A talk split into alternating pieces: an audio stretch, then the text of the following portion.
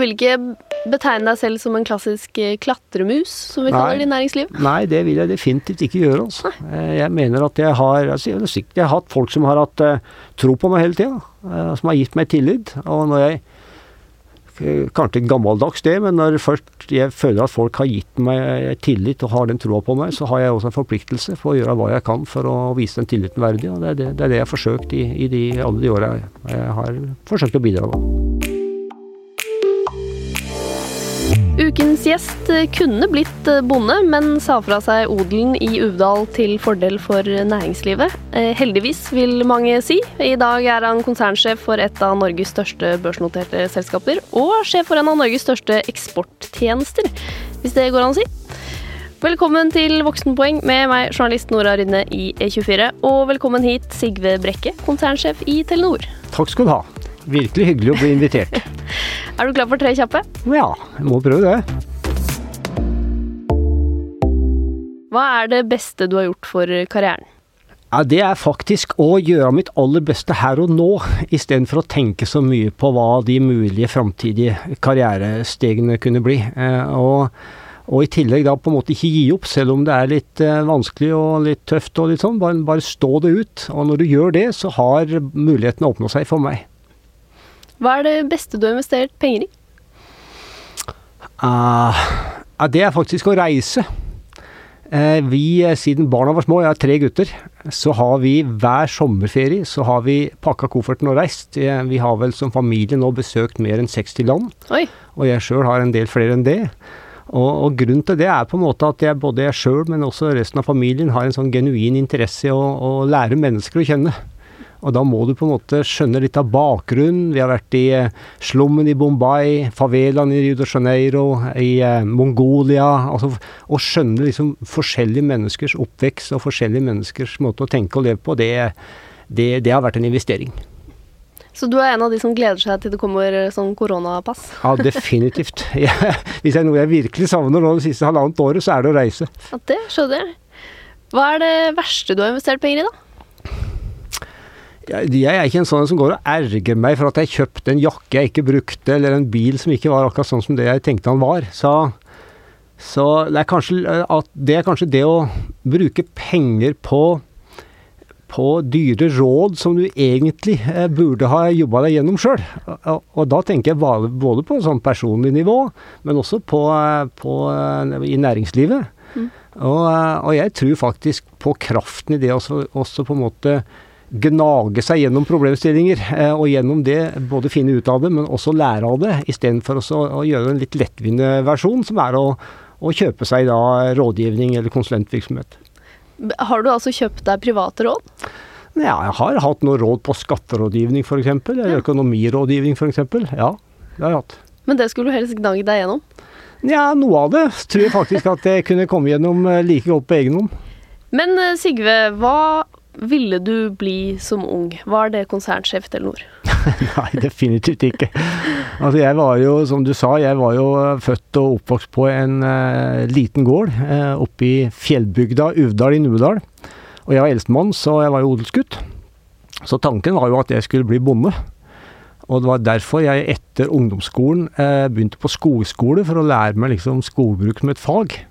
Ja, for det er det dere driver med på familiegården? Ja, sau eh, som, som dyr, og så var det, var det skogbruk. Eh, men så var som sagt en liten gård, sånn at foreldrene mine var også lærere, så du måtte på en måte ha noe ved siden av.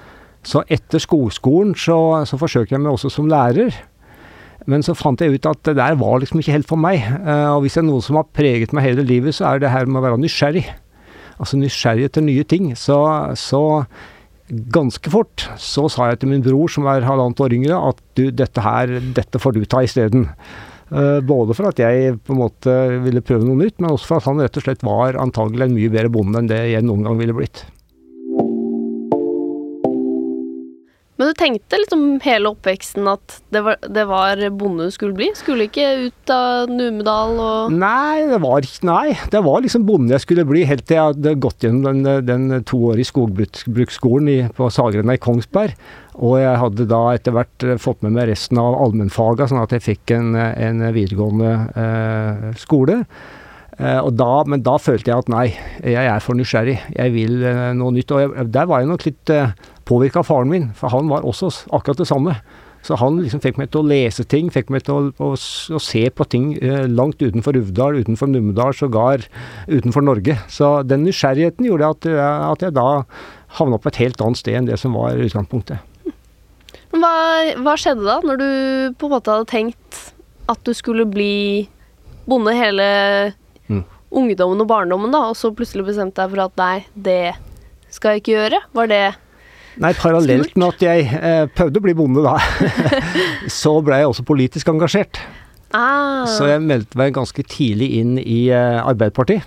Og, og eh, kom inn i kommunestyret i, i den kommunen som jeg vokste opp i, også i relativt tidlig alder. Jeg var vel 19 år da jeg ble valgt inn. Sånn at eh, på en måte det politiske engasjementet, eh, det, det lå der da i parallell, parallelt med det her.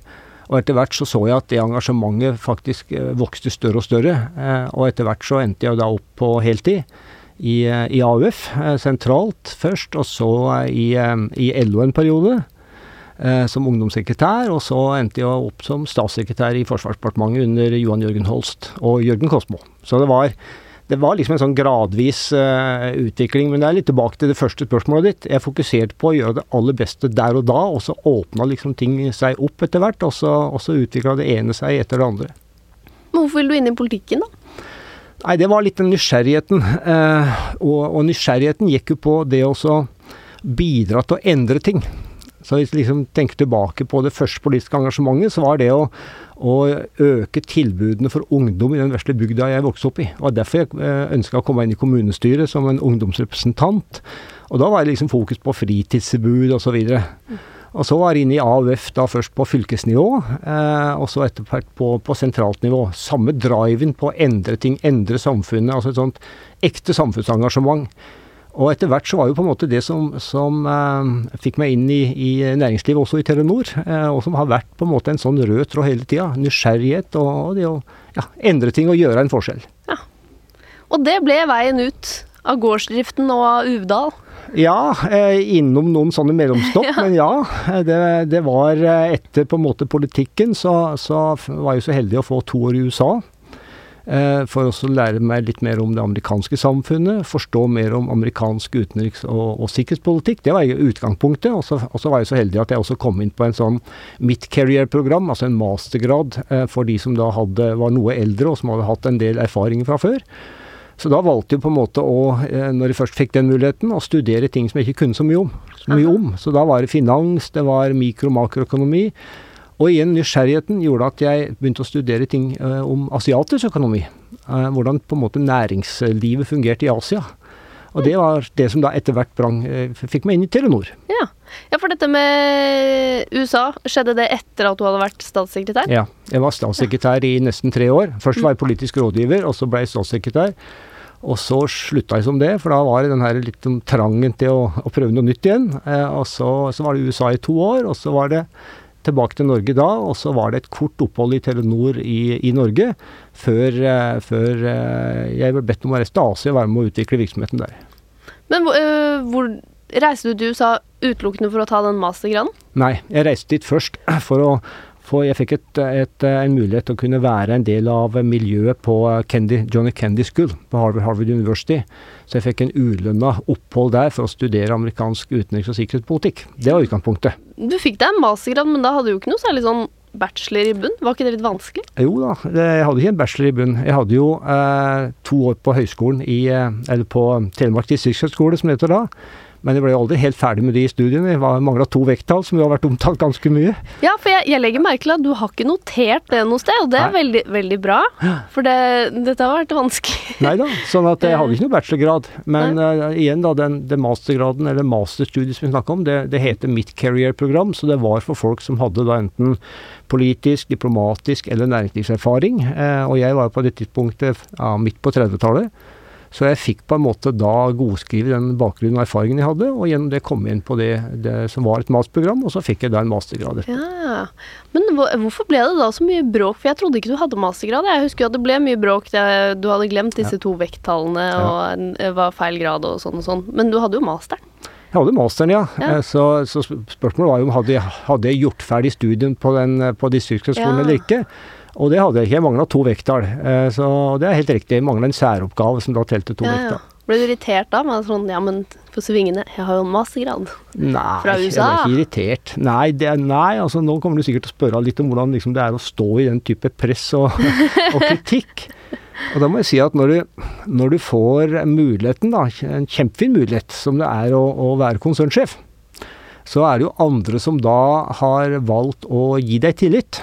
For de mener at du, at du har noe å bidra med. Og da må du på en måte regne med at, at eh, du står litt i stormen noen ganger. Og det er jo ikke bare meg, det gjelder de aller fleste konsernsjefene i Norge.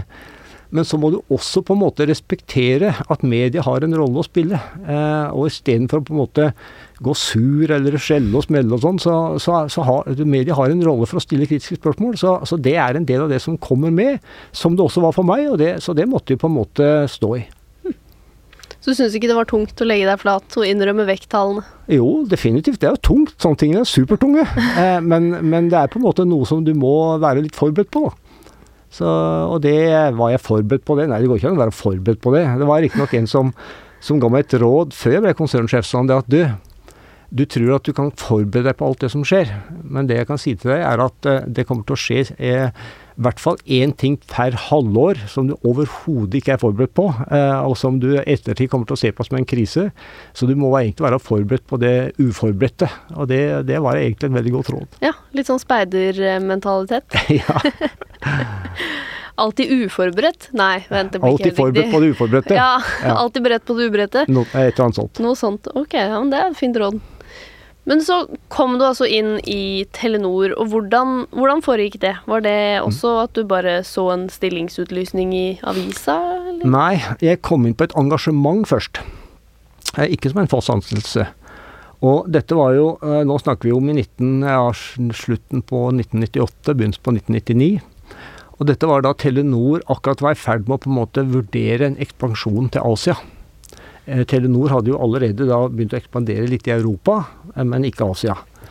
Eh, og, og da kom jeg inn på en måte akkurat i, i den vurderingsfasen, så jeg ble bedt om å være med å bidra litt i akkurat den vurderingen. da, eh, med Skal Telenor inn i Asia eller ikke? Så det var et engasjement som da etter hvert førte til at jeg ble bedt om å reise til Asia, og ble fast ansatt. Men hvorfor henta de inn deg, da? Visste de hvem du var? Det må du nesten spørre dem som var i Telenorum på det tidspunktet. Det, det veit de. De følte vel kanskje at jeg hadde en relevant bakgrunn og kunne være med å bidra det, og jeg syns jo det var kjempespennende. Ja, ja, men det var sånn at du faktisk så det og tenkte 'å, spennende', og så søkte du? Eller var det Nei, det var ikke noe søknadsprosjekt. Det var rett og slett at de, de ga meg et engasjement eh, etter at jeg kom tilbake fra USA, for Ja. å se om jeg kunne nyttiggjøre seg av mine, mine kunnskaper. Så de ringte deg opp? Så. Ja, ja, jeg hadde kontakt med dem. Altså, det, det, jeg, hadde, jeg kjente jo to av dem som var i Telenor på det tidspunktet. Aha. Dette var jo, var jo da Tormod Hermansen var, eh, var konsernsjef, eh, og Torstein Moland var, eh, var finansdirektør i Telenor. Som du kjente fra Som jeg politikken? kjente fra politikken tidligere. Så nettverk? Det ble, fikk benytta av det tidlig. Ja, Hvor mye det var nettverk, og hvor mye det var tilfeldigheter, det, altså, det veit jeg. Det, det passa i hvert fall veldig bra. Hvor gammel var du sånn cirka da du kom inn i Telenor? da? Nei, da var jeg jo altså Dette var i 19., da var jeg 39-40 år, da.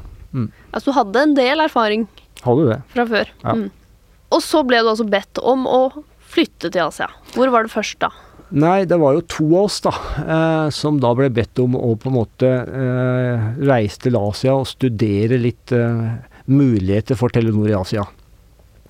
Og, eh, og eh, etableringen skjedde da i Singapore først. Vi fikk et kontor der, og vi ansatte en, en sekretær der, så det var tre. Og så begynte vi da å se omkring etter forretningsmuligheter. Og det første landet, det var da Malaysia, som vi gikk inn og kjøpte en 30 eh, eierandel av det som i dag er Ditchi, som Telenor nå er fortsatt eh, da er auksjonær i. Og så det andre landet var da Thailand. Så og etter hvert så, eh, så han ene han reiste til, til Malaysia i Ditchi og ble administrerende der.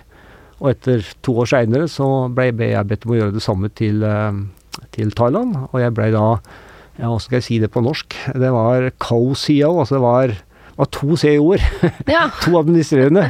Eh, Jeg var den ene, og den andre var da vår lokale partner. Og så gikk, gikk de fra det. Og så etter da flere år, eh, nå er det fram til 2008, så ble jeg bedt om å bli regionsjef for Asia. Så da sluttet jeg i det thailandske selskapet, og så fikk jeg ansvar da for, for det som etter hvert, i tillegg til Malaysia og Thailand og Bangladesh, også hadde blitt Pakistan. Hvordan var det å være med å liksom bygge opp et norsk selskap eh, et, på et helt nytt kontinent? Ja, det var jo en veldig, veldig spennende reise. Eh, og hvis jeg nå tenker tilbake, så vil jeg si at det viktigste vi gjorde, det var å ta med oss på en måte det norske verdigrunnlaget. Uh, og jeg husker at uh, liksom, hvis du skulle si det på en enkel måte, så var det at folk er folk. Uh, og en av de verdiene som var veldig sentrale for oss, var å være respektfulle. og det å ha liksom respekt for annerledes kulturer, annerledes tenking, annerledes kompetanse, det, det, var på en måte det vi tok med oss, i tillegg til teknologi og markedsføring osv. Og, så så, så, da vi liksom gikk inn i disse her selskapene, så, så begynte vi å rive ned veggene. Eh, litt etter liksom, modellen på Fornebu. Vi begynte å brette opp armene istedenfor å gå i, i, dress og slips, som på en måte var det vanlige. Vi begynte å behandle alle folk likt. Eh, og, og, og, vi bygde en kultur rundt det som egentlig var det som gjorde at vi, eh, at vi skilte oss ut ifra konkurrentene. Okay. Og det, og, det, og det, er det du ser Telenor i dag òg. I dag er vi jo i fem asiatiske land. Vi har 100, ja, 100, vel så 170 millioner kunder i Asia, og, og 10 millioner her i Norden. Så alt det gjennom de 20 åra kommer egentlig ned til det her med å, at folk er folk. Eh, og når du behandler folk At folk liker å, å bli sett, de, de, liker å bli behandlet på en ordentlig måte. Og det, det, var noe som den kulturen som vi satte. Var ikke det litt vanskelig? Altså I asiatiske land så har man jo mye mer eh hierarkisk kultur, og kanskje spesielt arbeidskultur, og en annen måte å liksom sende beskjeder Altså at det er mer man gjør akkurat det man får beskjed om, og mm. ikke så mye selvstendig arbeid som vi kanskje er vant til her. Jo, det var, det ikke Supervanskelig. Ja, ja, eh, men, men, det var akkurat derfor vi, vi, på en måte sa at folk er folk. at, at, bak alt det der hierarktiske hierarkiske greiene og, og at liksom eh, yes boss-type kultur, og at sjefen satt i hele toppetasjen og hadde sin egen heis, han kjørte ikke engang heis sammen med de andre ansatte. Altså Bak alt dette her så var det, var det folk. Ja, Var det sånn at dere måtte liksom stoppe en av heisene i, ja, i bygget? ja, jeg stoppa den heisen som den tidligere sjefen hadde hatt. Ja. Hva brukte dere den til, da? Nei, den bare stoppa vi. Og så begynte jeg å kjøre den samme heisen som de ansatte hadde. Og så reiv jeg ned veggene i den etasjen som han tidligere toppsjefen hadde hatt, sånn at på en måte inviterte folk inn. Og alt, alt det her gjorde da på en måte at vi bygde en litt annerledes kultur. Altså, så, så den skandinaviske kulturen, hvis du tør å på en måte ta den helt ut, og hvis du tør å stole på at folk er folk, mm. så, så, mener jeg at det, det, er noe av det aller viktigste norske bedrifter faktisk kan gjøre i utlandet. Men skal du få det til, så må du ha noen kulturbærere. Så til å begynne med så, så hadde vi nordmenn i, i sjefsposisjoner eh, og i mange sentrale lederfunksjoner. Etter hvert så ble det ska, ska, altså skandinaver. Så vi utvida, inviterte svenskene og, og danskene også. Mens i dag så har vi på en måte trent opp mange av de som også kommer fra de lokale kulturene. De har vært på Fornebu, de har jobbet i Telenor-systemet, sånn at de også nå er kulturbærere. Og akkurat det her med kulturbæring tror jeg er superviktig skal du lykkes i den, den delen av verden. Så var du da lenge der, og barna dine har vokst opp eh, bare i Asia? Nei, de, eh, de, to av dem er født i Norge. Han tredje er født i USA. Eh, men de er vokst opp da i Har aldri gått på norsk skole. Nei. De har gått, vokst opp i, i, USA, i Singapore og i Thailand. Mm. Så hvordan var det å liksom nesten ha ja, hele etableringsfasen i et annet land enn Norge? Nei, vi, vi har alltid vært veldig eh, opptatt på å gi barna våre norske røtter. Så eh, de snakker jo perfekt norsk. De har tatt bergenstesten, som også gjør at de kan skrive norsk.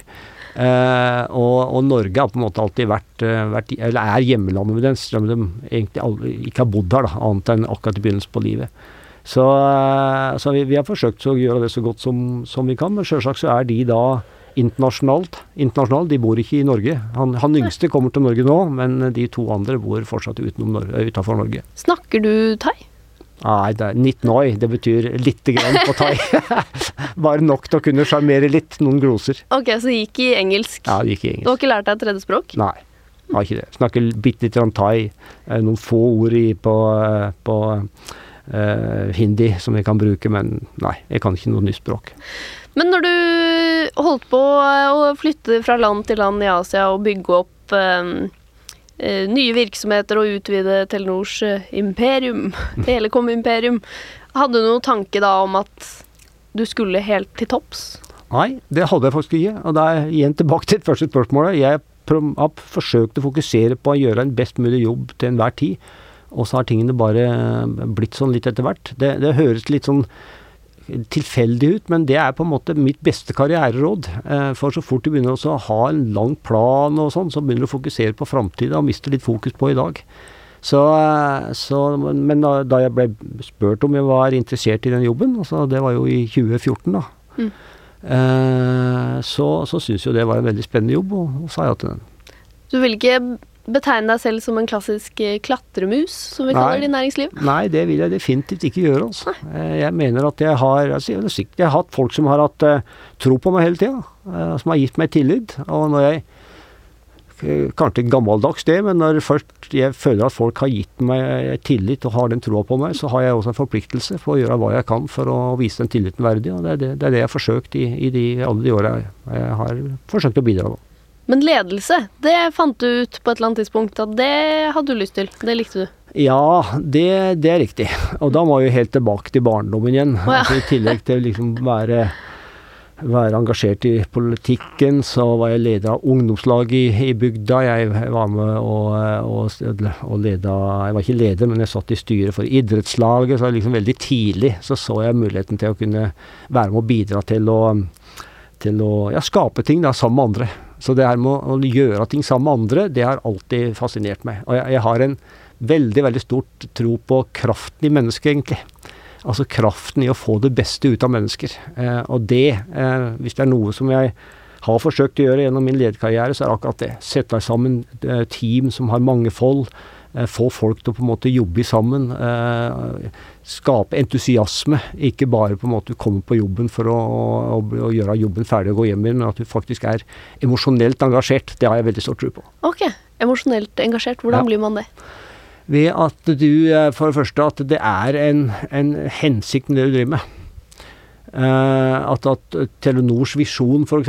er at vi, vi, kobler deg opp, uh, og samtidig så gjør vi en, en, et bidrag til samfunnet. Altså den bidrag til samfunnet, at vi ønsker å være med på å gjøre samfunnet bedre. Det er liksom en sånn bigger purpose, da, eller en større hensikt. Men så er det også det her med å bli sett, litt tilbake til det igjen. Altså at uh, Selv om du er uh, en konsernsjef eller om du er leder på et lavere nivå, det å se menneskene, få fram det beste i dem, bry deg om menneskene, se uh, når, de, når, de, sliter litt og forsøke å hjelpe dem med det, bry dem om familien deres osv. Og jeg bruker mye tid på å ringe rundt i Telenor, helt sånn litt sånn tilfeldig. Ja. Bare for å høre åssen folk har det. For å høre, få, liksom, få informasjon fra langt ned i organisasjonen. Og de, de, små tingene her er måten du skaper emosjonelt eh, kontakt på, og det tror jeg er veldig viktig. For jeg ville jo tolka deg som en litt sånn typisk introvert eh, person. En litt sånn eh, konsernleder som ikke gjør så mye ut av seg, og som kanskje er litt stille og litt sky, men da tar jeg feil? Ja, jeg vil ikke si jeg er stille og sky hvis du ser uh, meg innad i Telenor. Det er godt mulig at du ser det utenfra, men, uh, men, min jobb er å skape engasjement i Telenor. Uh, og bry meg om folka i Telenor. og få dem til å, å få den emosjonelle tilhørigheten da, som jeg, som jeg er veldig opptatt av. Så ville betegnet deg selv som ekstrovert? Jeg vil betegne meg sjøl, jeg vet ikke om jeg liker verken introvert eller ekstrovert. Jeg vil si at jeg, er, jeg, jeg, jeg vil betegne meg sjøl som en engasjert, veldig engasjert person. Mm. Som ikke bare er engasjert personlig, men som også engasjerer andre. Det vil jeg si. Og glad i å prate med folk. Ja, veldig glad i å prate med folk. Ja, og da vil jeg putte deg i den ekstroverte båsen. Ja, ok. Når du kom hjem fra eh, Asia, hvorfor eh, kom du til slutt hjem? Da jeg fikk uh, sjansen til å bli konsernsjef, mener du? Ja, for det var først da? Ja, det var først da jeg kom hjem. Så jeg var jo ansvarlig da for virksomheten vår i Asia, helt fram til jeg ble utnevnt som konsernsjef i 2015. Hvordan var den prosessen? Nei, den var ikke så Det geografiske den var ikke så rar. For jeg hadde jo sittet i konsernledelsen i mange, mange år. Så jeg var jo ofte hjemme i Norge. Eh, jeg hadde jo ofte kontakt med, med det norske miljøet. Så, så, sånn sett så var ikke det så fremmed. Men det var jo det med den nye jobben som egentlig var fremmed. Eh, altså det å bli konsernsjef. Det er noe helt annet enn å sitte på nummer to eller nummer tre nivå. Okay. Men eh, prosessen var eh, sånn at du ble oppringt og spurt vil du søke, eller? Nei, du søker ikke på en sånn jobb. Du, det, er en, det er jo styret da, som er ansvarlig for en sånn prosess. Og jeg ble da vurdert sammen med, med andre kandidater, eh, og til slutt så, så, fikk jeg da et spørsmål om jeg var eh, interessert i den jobben, og noe som jeg sa ja, og så ble jeg da til slutt valgt. Kan du huske når du fikk den telefonen, eh, eller e-posten, eller hvordan det blir formidlet? Ja, det kan jeg huske. Hva tenkte du da? Nei, jeg visste jo allerede da at jeg var aktuell, da.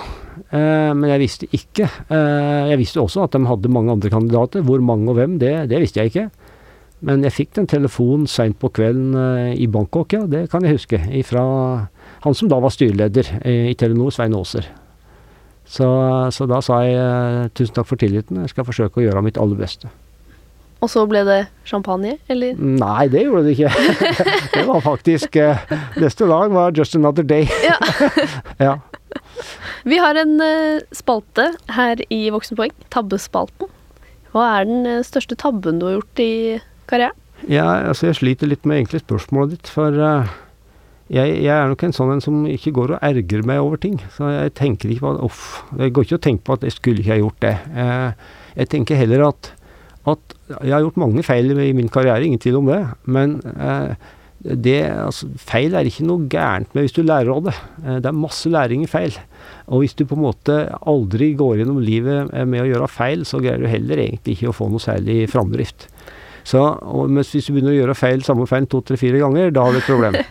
Sånn at eh, jeg på en måte ser ikke på det sånn sett med, med tabber, jeg ser, ser, det på mer som, mer som en læring. Og, og, hver gang jeg har gjort en feil, eh, så bruker jeg ganske mye tid på like etter feil å reflektere hva er læringen i det. Ikke, ikke hva, dumme deg som gjorde det, men egentlig hva, hva kan du ta med deg videre. Kan du huske en feil Eller hvilke feil har du lært mest av? Kan du huske det? Nei, altså den, den, første investeringen jeg gjorde etter at jeg ble konsernsjef, da, det var å kjøpe et, eh, et selskap i USA. Tapad heter selskapet. Mm. som drev med digital uh, markedsføring. Uh, nå har vi solgt det selskapet. Uh, det var nok og, og, ideen rundt det var på en måte å få tilgang til kunnskap, egentlig, på hvordan bruke data til å eh, skreddersy løsninger for kunder. Det var det som var ideen. Det var nok litt, litt feil tidspunkt, eh, og kanskje litt fjernt ifra det som er kjernevirksomheten vår. Vi lærte veldig mye av det, eh, men da etter noen år så, måtte, så solgte vi det selskapet, for vi så rett og slett at det, det, det, vi fikk ikke mer ut av det enn det vi hadde tenkt. Var det, var det ettertid en feil eller en tabbe? Jeg vil ikke si det var en tabbe, men, men uh, hvis jeg hadde visst det jeg veit nå, så hadde jeg antagelig ikke gjort det. Mm. Men, men, du visste ikke det da? nei, jeg visste ikke da, da, men vi har lært av det. Og så var det å ta konsekvensen av det, og selge det, og så move on. Ja. Men tapte dere noe da, på å selge? Vi fikk noe mindre for det enn det vi hadde gitt. Men uh, Nå husker jeg ikke akkurat summene, men uh, det var ikke noe, det var ikke noe kjempetap.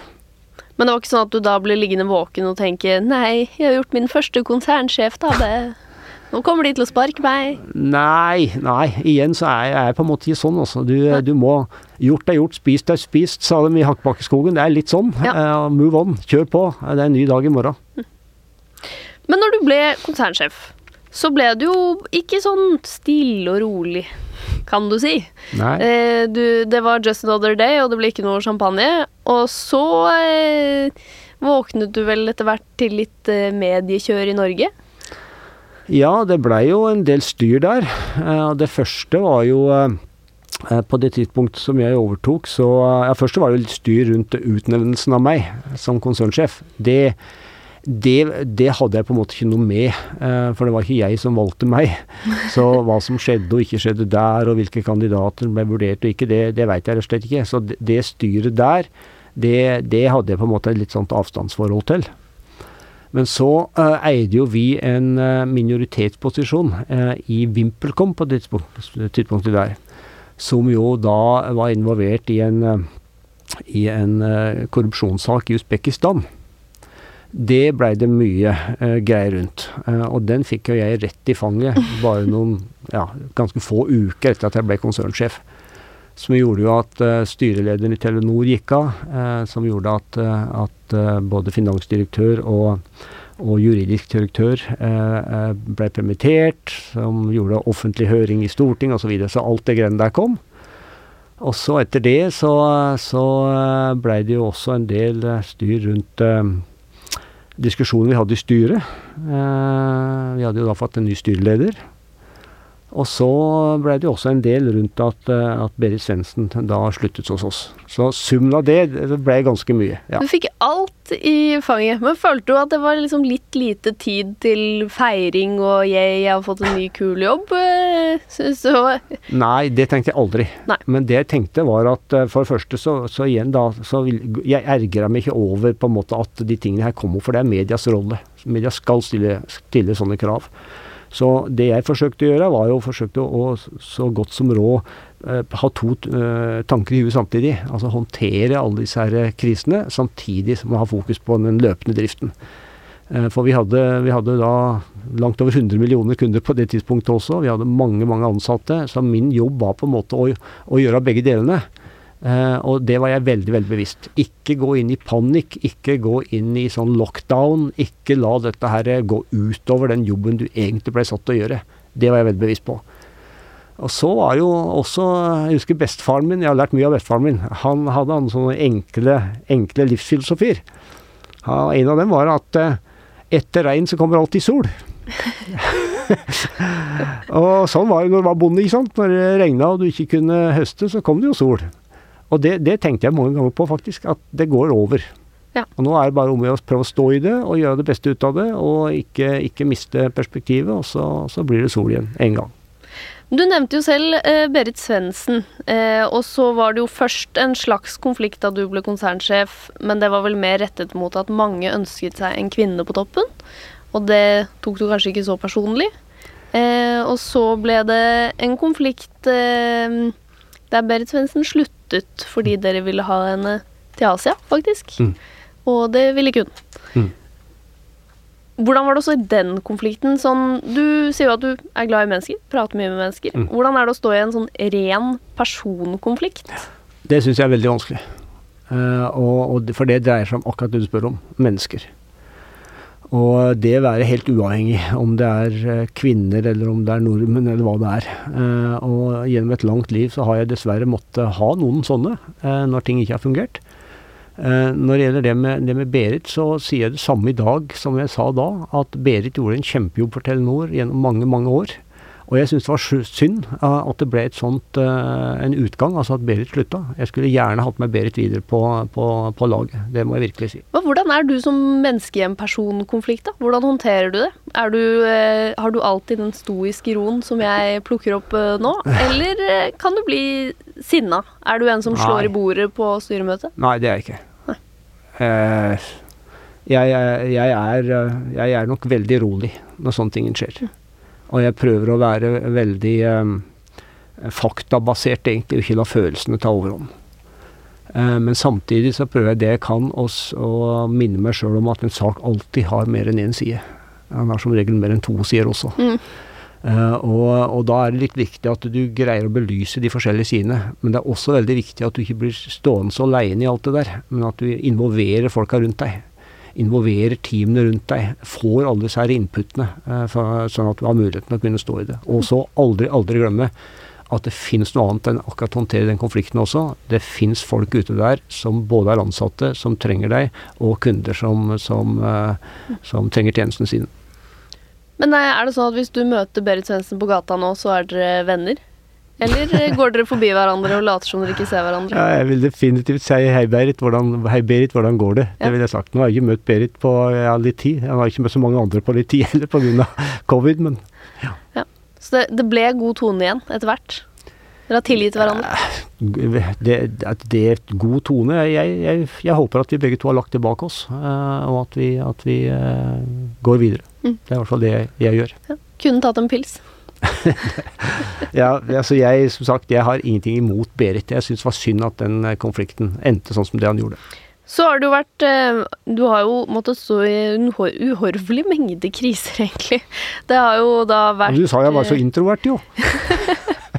Ja, men introverte kan også stå i kriser. Ja. Heldigvis. Ellers så tror jeg veldig mange toppledere hadde hatt et problem. Men det har vært eh, Ja, det har vært VimpelCom helt i starten, og så har det jo vært eh, nå korona, selvfølgelig. Så har det vært eh, trøbbel i India, der dere måtte eh, gi opp og legge ned. Og så eh, har det jo da vært militærkupp i Myanmar nå sist. Mm.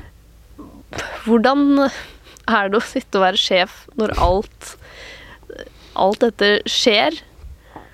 Ja, det, det er egentlig et godt spørsmål, og, men det er litt det samme som jeg allerede sagt. Det er å forsøke å håndtere krisen og samtidig holde hjula i gang. Men, men det er litt forskjellige typer kriser du snakker om nå. Eh, og, og det med Myanmar f.eks., eh, den er veldig forskjellig. For at det dreier seg om mennesker. Det dreier seg om folk som jeg har sett i øya. Det dreier seg om folk som får ødelagt landet sitt. Eh, altså vi jeg var jo en del av å eh, Jeg jobba jo i ASA da vi fikk lisens der i 2014.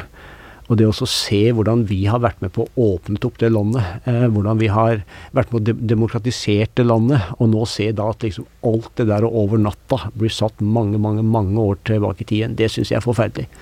Det å tenke på våre Vi har nå ca. 730 ansatte i Myanmar.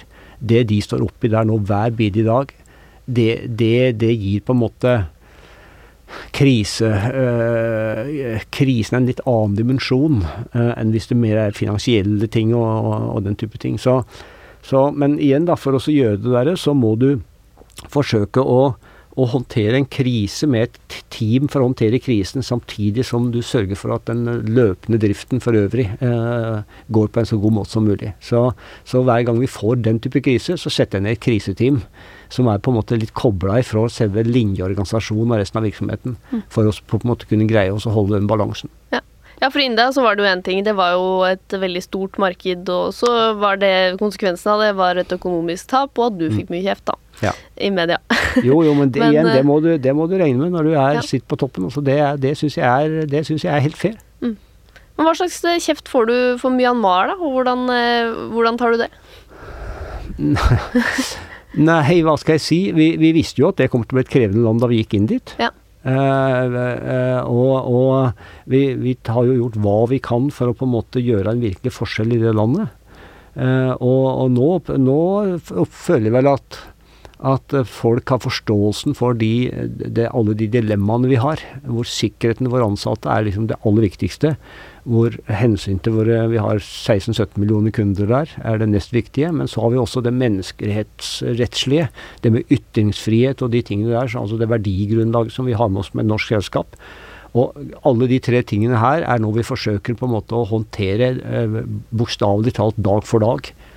Eh, og vi står i det akkurat nå, eh, men hvis vi krysser liksom noen av de hensynene her, eh, så er det ikke sikkert at vi kan greie å fortsette. Men, så så dette, dette tar vi nødt på en måte dag for dag, og gjør så godt vi kan ut av det.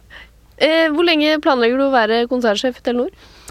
Nei, det er jo offentlig, faktisk. Eh, jeg har, en- ja, ja, jeg har en pensjonsalder på 65 år, det står i min kontrakt. Ja, sånn, ja. Ja. Ja ja. Men eh, Og jeg har tenkt å du har tenkt å sitte tida ut? Nei, jeg tenkte altså, jeg, altså det å være konsernsjef, det er et, det er et sånt litt tillitsforhold, det. Det er ikke en ansettelse, egentlig. Ja, det er jo en ansettelse, men det er et tillitsforhold. Det er et tillitsforhold mellom deg og et styre. Det er det tillitsforholdet som gjør at du blir spurt, spurt om å gjøre en jobb, men det er også det tillitsforholdet som avgjør hvor lenge, hvor lenge det styret føler at du uh, gjør en god jobb. Så det er opp, opp til styret. Jeg skal stå på natt og dag så lenge jeg har den tilliten og, og styret føler at jeg gjør en forskjell. Du er jo sjef i et veldig stort selskap, da. Man kunne jo tenkt å kunne ta en sånn diktator eh, og liksom begynne å fremforhandle at kan jeg, kan ikke Burde ikke konsernsjefen kunne sitte til 70 med Ja, Da skal jeg love deg at hvis du forsøker å gjøre det, så er det tillitsforholdet borte. Så da blir du ikke sittende særlig lenge. men, eh, skal, eh, men har du tenkt å faktisk pensjonere deg ved 65, da? Jeg kan ikke se for meg det, altså. Jeg kjører på hver dag, eh, og tenker ikke noe særlig på akkurat det. altså. Nei. Så lenge jeg føler at det her er moro, og det gjør jeg definitivt, så lenge jeg føler at, eh, at vi er i ferd med å utvikle Telenor til, til de neste tiåret, så gjør jeg det. Og så er det opp til styret da, å finne ut når, når, ja. ja, når den tida kommer. Men når du, er, eh, når du blir tvunget ut av retningslinjene til Telenor, har du liksom tenkt at da blir det rolige dager, eller skal du bli en sånn styregrossist? Nei. Eller skal du gjøre noe helt Da annet? kommer den samme nysgjerrigheten som jeg har hatt siden jeg på en måte meldte meg inn i politikken og i ungdomslag i, i uh, Uvdal. Da. Eh, da kommer den tilbake. Så da kommer den nysgjerrigheten til å drive med til noe annet. Hva det er, det bruker jeg ikke ett sekund på å tenke på. Det tenker jeg på når den dag kommer. Det blir spennende. Det blir spennende. Kanskje du skal bli gründer? Vi får se. Vi har et eh, fast eh, siste spørsmål her, eh, Sigve. Hvis du kunne reist tilbake i tid og gitt 20 år gamle deg selv et råd, hva ville det vært? Da var, ville det faktisk vært kom deg til utlandet enda tidligere. Jeg var jo midt i 30-åra eh, da, da vi flyttet til USA den gangen, som jeg nevnte. Uh, og råda jeg ville gi til både mine barn, men også andre nå, er få deg litt eh, Enten at du tar deler av utdanningen din fra utlandet, eller at du får en, eh, en jobberfaring fra utlandet så tidlig som mulig. Og Grunnen til det er for at business blir, er mer og mer komplekst. Det er mer og mer krav til både konsernsjefer, men også til, til ledere litt lenger ned. Og skal du håndtere kompleksiteten i alle de tingene her, så må du kunne noe annet enn eh, bare den kulturen du har vokst opp i. Det vil være det viktigste rådet. Det rådet fikk du i hvert fall sendt videre til barna dine. Ja, Så, det gjorde jeg. Og de har hørt på deg òg. Absolutt. Tusen takk eh, for at du kom hit i dag, Sigve Brekke, altså konsernsjef i Telenor. Takk skal du ha. Takk for å ha meg. Produsent i dag, det var Sunniva Glessing. Og hvis du vil ha mer innhold fra podkasten, og f.eks. lese skoledagboka til Sigve, så må du gå og følge oss på Instagram. Der heter vi Voksenpoeng med Nora.